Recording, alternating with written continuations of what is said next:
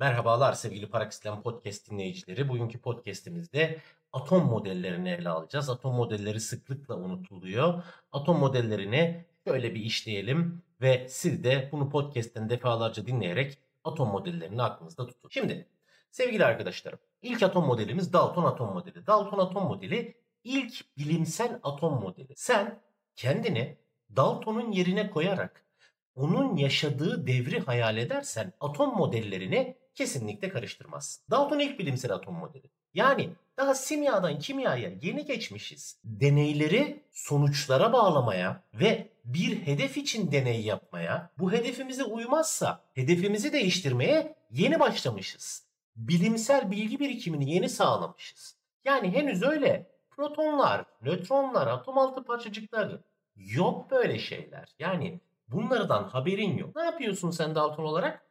Maddeleri birleştiriyorsun, ayrıştırıyorsun. Birleştiriyorsun, ayrıştırıyorsun ve maddelerin yapı taşlarını hep temel aynı atomlara denk geldiğini görüyorsun. Yani karbondioksit ayrıştırdın karbon var. Karbonik asit ayrıştırdın yine karbon var. Suyu ayrıştırdın hidrojen var. Metanı ayrıştırdın yine hidrojen var gibi. Bunları birleştirerek bir atom modeli ortaya atıyorsun. Ne atacaksın ortaya? Bir, tüm maddeler atom denilen çok küçük ve parçalanamayan taneciklerden meydana gelmiştir. Doğru değil mi? Bunu ortaya atacaksın. Çünkü bütün maddeleri ayırdın. Hep aynı yapı taşına rastladın. Birinci bilgi bu. Başka atom şu ana kadar senin bulduğun en küçük parçacık. Doğal olarak sen de şunu ortaya atıyorsun. Diyorsun ki atom maddenin en küçük parçacığıdır. Yoktan var edilemez, vardan yok edilemez ve parçalanamaz. Bak parçalanamaz. Başka peki bu atom nasıl bir şeydir da diye sorduklarında ne cevap vereceksin? Atom içi dolu küre şeklindedir. Yani hani parçalanamaz, içi dolu yuvarlak bir küre şeklinde ya. Ben sana daha nasıl tarif edeyim diyor atom. E tamam. Peki o da güzel, o da güzel. Peki doğada bir sürü madde var. Her maddenin kendine özel bir atomu mu var sorusuna Dalton diyor ki hayır. Doğada belli sayıda element atomu vardır. Tür olarak ha sayı olarak derken belli türde element atomu vardır. Bunların birleşme oranı değiştikçe yeni maddeler oluşur. E peki tamam bunların birbirinden neyi farklı? Diyor ki bir elementin bütün atomları her yönüyle özdeştir. Farklı element atomları da birbirinden farklıdır. Farklı kütleye sahip. Yani Dalton'un atom hakkında ortaya attığı genel bilgileri doğru. Ancak Dalton atom altı parçacıkları bulamıyor. Daha ilk bilimsel atom modeli. Dalton atom altı parçacıkları bulamadığı için atomun parçalanabildiğini de bulamıyor. Dalton atomun parçalanabildiğini bulamadığı için atomun çoğunun boşluk olduğunu da bil. E Dalton protonu, nötronu, elektronu bulamadığı için henüz izotop, izoton, izobar atomlar gibi kavramlardan da haberi yok. Yani bir elementin bütün atomları özdeştir diyor ya aslında izotop atomlar aynı elemente ait ama özdeş olmayan atomlar. Dalton bunu da bulamaz. O zaman şöyle bir toparlarsak ilk bilimsel atom modeli maddenin atom denilen çok küçük taneciklerden var olduğunu söylüyor. Atomun parçalanamayacağını, bölünemeyeceğini, vardan yok, yoktan var edilemeyeceğini söylüyor. Kimyasal tepkimelerde atomların birleşme oranı değiştikçe yeni maddeler oluştuğunu, doğada belli sayıda atom olduğunu söylüyor. Atomun içi dolu küre olduğunu, bir elementin bütün atomların özdeş, farklı elementin farklı kütleye sahip olduğunu söylüyor ve birleşme oranı değiştikçe yeni maddeler oluşacağını söylüyor. Neye benzetiyor Dalton? Dalton atomu arkadaşlar bilardo topuna hani iç dolu küre diyoruz ya bilardo topuna benzetiyor. Burada tamamız değil mi? Hadi geçtik Thomson'a ikincisine. Şimdi Thomson'ın yaşadığı dönem ne? Dalton'dan biraz sonra madde ışık etkileşimleri keşfedilmiş. Maddenin yapısında eksi türler olduğu keşfedilmiş arkadaşlar. Tarihsel gelişim içerisinde ilk bulunan yüklü tanecik elektron. Proton sonra keşfedilmiş. Yani Dalton şey Thomson özür dilerim. Elektronun varlığının keşfi sırasında ortaya çıkan bir bilim adamı ve Thomson neyi buluyor biliyor musunuz? Thomson katot ışın tüpüyle elektronun yük bölü kütle oranını bulan kişi. Sen Thomson'sın. Hayal et. Deneyler yapıyorsun. Maddenin yapısında eksi parçacık olduğunu buluyorsun. Bu eksi parçacıklar üzerine yaptığın deneylerle yük bölü kütle oranını buluyorsun falan. Bunların hepsini geçmişten gelen özellikle Dalton'dan gelen bilgilerle birleştirip bu atom modelindeki yanlışlığı düzeltip yeni bir atom modeli ortaya atacaksın. Peki tatlım eksi yükleri buldun. Eksi yüklerin yük bölü kütle oranını buldun. Yükünü kütlesini ayrı ayrı bulamasan da yük bölü kütle oranından eksi yüklerin kütlesinin önemsiz olduğunu tahmin ediyorsun. Okey. Tamam da atomun boşluğu ile ilgili bir deney yaptın mı? Yörüngelerle ilgili bir deney yaptın mı? Yapmadın. O zaman tamam. Dalton'un atom modelini değiştireceksin de atom modelinin içi dolu küre olduğu mantığını niye değiştiresin ki? Sadece bu doluluğa bir ekleme yapıyorsun diyorsun ki evet dolu ama yüklerle dolu. İçinde yükler var bunu ekliyorsun. Peki bir şey daha. Sen Thomson'sın. Elektronun yük bölü kütle oranına deney yaparak elektronun kütlesinin önemsiz olduğunu buldun. Ya, atom nötr. Atomun nötr olduğu eskiden beri biliniyor. Yani atomun yapısında eksi yük varsa artı yük de olmak zorunda. İlk aklına gelen fikir şu olmaz mı? Eksinin kütlesi önemsizse atomun kütlesini artı oluşturur. Bu senin aklına gelen fikir olmaz mı? Peki tatlım bir şey daha. Sana diyorum ki ya Sait Hoca diye bir şey var. Parakislerin kimyanın sahibi. Kütlesi çok fazla. Aklında canlanan imaj ne? Bu kişinin hacminin de çok fazla olduğu. Yani şişman olduğu canlanmıyor. Aslında doğal olarak elektronun kütlesi önemsiz. Protonun kütlesi daha doğrusu artı yükün kütlesi önemsi, önemli ise atomda artı yük hacim olarak çok fazla yer kaplar. Ya atom artı yüklerden oluşur diyor.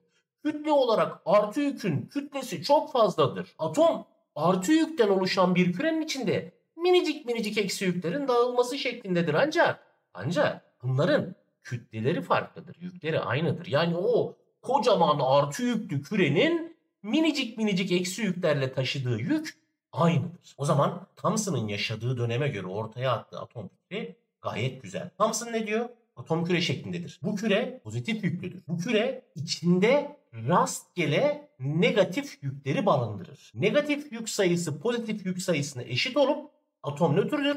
Ancak negatif yüklerin kütleleri ihmal edilebilecek kadar küçüktür. Neye benzetiyorduk Thomson atom modelini?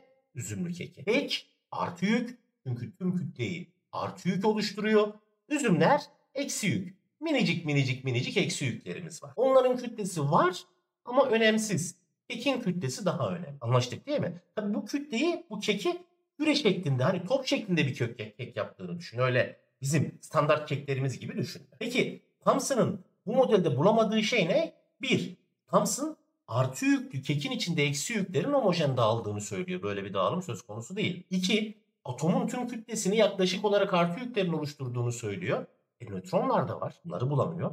Üç, atomun içinin boşluklu yapıda olduğu. Burada da tamamız değil mi? O zaman sırada kim var?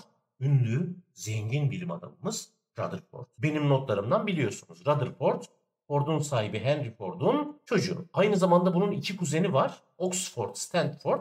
Hepsi zenginler böyle. Çok zengin olduğu için Rutherford da zenginlikten ben altınla deney yaparım diyor ya. Ben öyle sıradan şeylerle deney yapmam öyle. Kekmekle Thompson gibi fakir miyim ben?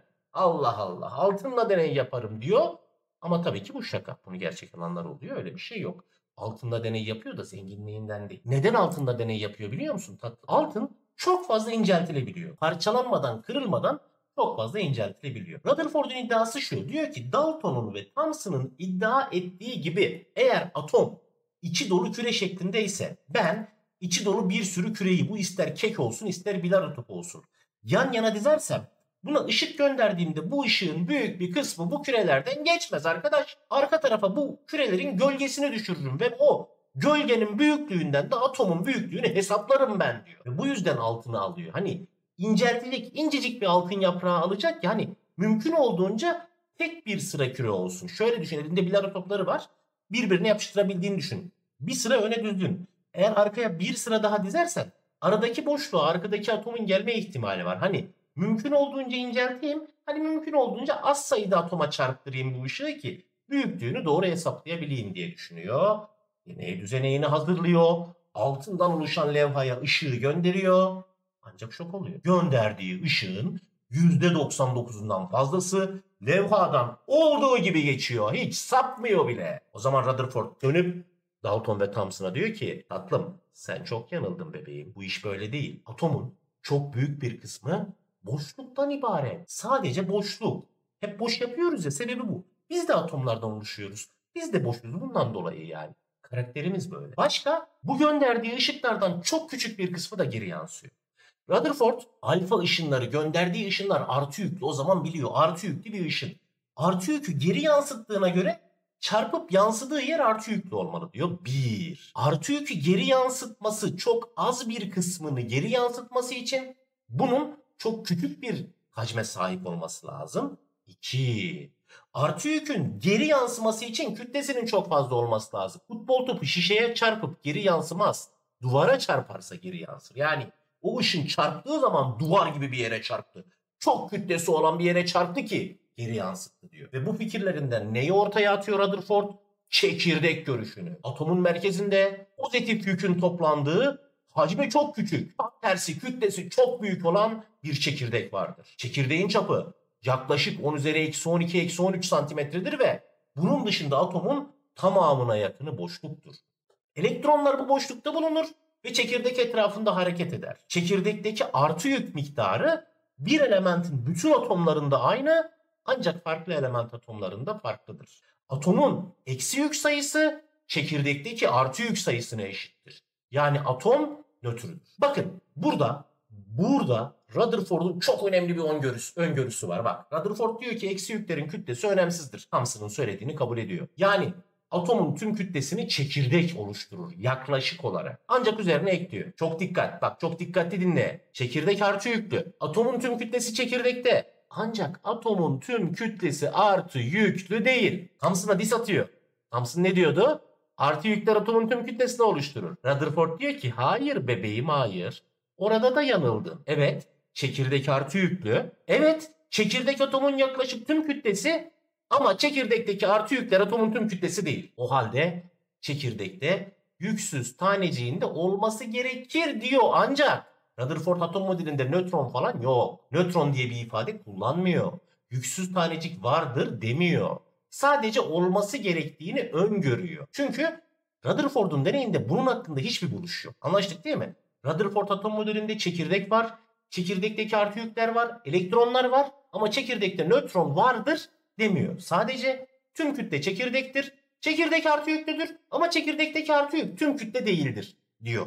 Bunun doğal sonucu çekirdekte nötron olması gerektiği ama Rutherford bunu bulmadığı için bunu atom modeline koymuyor. Bir şey daha söyleyeyim mi? ÖSYM'de sormaz. Bilimsel olimpiyatlara giden arkadaşlar için sorar. Rutherford aslında proton kelimesini de kullanmıyor. Artı yük kullanıyor. Çok dikkat edin. Rutherford çekirdeği bulduğunda protonun keşfi henüz yapılmamış. Bu yüzden Rutherford atom modelinde proton ifadesi geçmez. Ama ÖSYM buna dikkat etmez. Siz Rutherford protonun çekirdekte proton vardır derse doğru kabul edeceksiniz. Peki Rutherford'un bulamadığı ne? Bir, nötronlar yok. Öngörse de yok. İki, elektronların davranışını açıklamada etkisiz kalmış ki biz elektronların davranışını halen bilmiyoruz arkadaşlar. Halen bilmiyoruz. İnşallah bu podcast'i dinleyenlerden biri gider bulur. Geçtik. Kim var? Bohr. Arkadaşlar Bohr atom ışık ilişkisini inceleyerek atom modelini ortaya atıyor. Şimdi bir atoma ışık gönderdiğinde atom bu ışığın sadece belirli renklerini absorbe ediyor, emiyor her rengini absorbe etmiyor. Atomu ısıttığında da atom belirli renklerde ışık veriyor. Rutherford şey pardon Bohr buna kafayı takıyor. Bohr biliyorsun Niğdeli. Niğde'nin ilçesi var. Atasözü de var ya. Geçti Bor'un pazarı süreşeği Niğde'ye diye. Bor oralı. Niğdeliler bilir Bor ilçesinin merkezinde Bor'un böyle elinde bir tane Bor elementiyle heykeli vardır. Yani bizim adı Mahmut zaten soyadı Bor. Neyse Bor atom elektron ilişkisini inceliyor. Pardon atomla ışığın ilişkisini inceliyor. Bir atoma ışık tuttuğumuzda atom ışığın her dalga boyunu almıyor. Belirli dalga boyunu alıyor. Atomu ısıttığında da atom her ışığı yaymıyor. Belirli ışıkları yayıyor. Yani ışık bir enerji ya. Bunun enerji karşılığını size söyleyecek olursak atom atom her enerjiyi almıyor. Paketler halinde alıyor enerjiyi. Sen yani sen 100 kalori gönderiyorsun. Hayır diyor. 150 gönderiyorsun. Ver ver ver diyor. 200 gönderiyorsun. 150'sini ver 50'si sende kalsın diyor. Çok seçici, çok burjuva. Bak sen kerataya. Seni gide seni nereden öğrendin sen bu üç kağıtçılıkları? Bohr bunu kafaya takıyor. Diyor ki bu atom niye her ısıyı almıyor, her ısıyı vermiyor, her ışığı alıp her ışığı yaymıyor. Şimdi Rutherford'u düşünüyor. Diyor ki ben Rutherford çekirdeğe ışık gönderdi. Çekirdeki o ışığı yansıttı. O zaman benim verdiğim ışığı alan yer çekirdek değil elektronlar. Elektronlar peki neden her ışığı almıyor?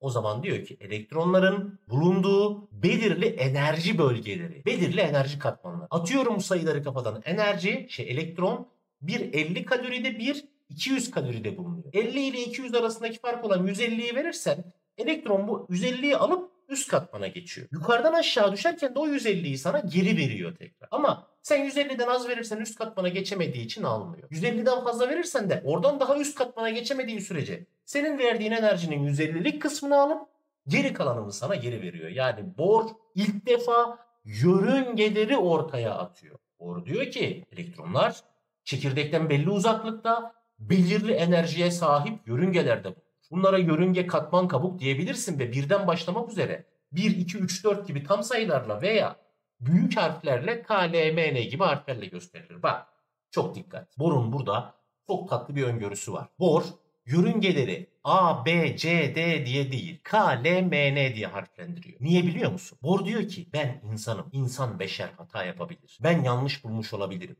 Belki benim bulduğumdan daha düşük enerjili yörüngeler vardır. Ben A'dan başlarsam A'dan önce harf yok veremem. Ben alfabenin ortasından bir yerden başlayayım K'den. Öncesi olursa da verebilirim. Anlaştık değil mi? Çok güzel bir öngörü. Henüz yok. Henüz borun bulduğu kabuklara biz şeyiz, e, hemfikiriz. Sadece bu kabukların bor çizgisel diyor. Çizgisel değil onu değiştirdik. Yoksa henüz borun buldu. E hocam tamam da Niye 1, 2, 3, 4 demiş? Ha orada dur. Bor bu kabukların enerjilerini hesaplıyor. Yani o 1, 2, 3, 4 rastgele değil. Borun ortaya attığı bir formülde en yerine 1 koyduğunda birinci kabuğun enerjisi, 2 koyduğunda ikinci kabuğun enerjisi çıkıyor. Yani 1, 2, 3, 4 sayma sayıları olduğu için değil. O formülde kullanıldığı için ortaya çıkıyor. Anlaştık değil mi? Toparlayalım. Elektronlar çekirdekten belli uzaklıkta, belli enerjiye sahip yörüngelerde bulunur. Bu yörüngeleri 1, 2, 3, 4 gibi tam sayılarla KLMN gibi harflerle ifade ederiz ve çekirdeğe en yakın olan minimum, en uzak olan maksimum enerjiye sahiptir. Elektron minimum enerjiden en yakından başlayarak dola dola dola gider. En küçük enerjiyi doldurmadan, birinci enerjiyi doldurmadan ikiye geçmez, ikiyi doldurmadan üçe geçmez. Çekirdeğe en yakın olan konumuna temel hal deriz. Temel halde atom ışık yaymaz ancak atomu ısıtırsan elektron üst kabuklara geçer. Buna uyarılma denir. Uyarılmış atom kararsızdır. Uyarılmış halden eski hale dönerken aradaki enerji farkına denk enerjili bir ışın yayar sana. Peki Bohr neyi bulamıyor? Bohr'un ortaya attığı biraz önce bahsettiğim o formül sadece tek elektronlu. Bakın tek protonlu demiyorum. Tek elektronlu. Protonu 3, elektronu 1 olan artı 2 yüklü lityuma da uyarlanabilir bu. Ama nötr lityumu uyarlanamaz. 1. Dönmekte olan çekirdeğin etrafında dönmekte olan elektronun neden çekirdeğe düşmediğini açıklayamıyor. Atomun spektrumları var. Hani bu yaydığı ışıklar. Bu ışıkların kimisi parlak kimisi sönük. Bunu açıklayamıyor. Anlaştık değil mi? Baştan toparlayalım mı? Dalton ilk bilimsel atom modeli. Bilardo topu. içi dolu küre. Bir elementin bütün atomları aynı. Atom parçalanamaz. Farklı element atomları farklı kütlede. Thomson üzümlü kek. Kek proton, üzüm elektron. Elektronun kütlesi önemsiz. Protonun kütlesi önemli. Atomun tüm kütlesi de protonlar oluşturuyor. Protonla elektronların sayısı, yükü birbirine eşit atom nötr. Rutherford atomda boşluklar var. Atomun çok büyük bir kısmı boşluk.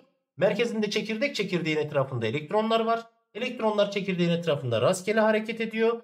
Çekirdekte bulunan protonlar atomun tüm kütlesinin yaklaşık yarısını oluşturuyor ama elektronların kütlesi önemsiz. Bohr yörüngeler var. Her elektron belli yörüngede, belli yörüngede, belli yörüngede bulunuyor. Elektronun bulunduğu bu yörüngeler çekirdeğe yakın olan minimum, uzak olan maksimum enerjili. Bu yörüngeler çizgisel, elektron bu çizgisel yörüngelerde dönüyor. Aşağıdan yukarı geçerse uyarılmış oluyor. Yukarıdan aşağı geçerken de dışarıya enerji veriyor. Biz borun üstüne ne atıyoruz? Bu yörüngeleri çizgisel değil 3 boyutlu. Elektron da net burada bulunur değil, burada bulunma ihtimali fazladır diyoruz modern atom modelinde. Hani orbital görüşünü ortaya atıyoruz. Orbital moderne kadar yok. Umarım faydalı olmuştur arkadaşlar. Atom modellerini defalarca dinleyerek aklınızda tutmaya yardımcı olursam çok mutlu olurum. Kendinize iyi bakın.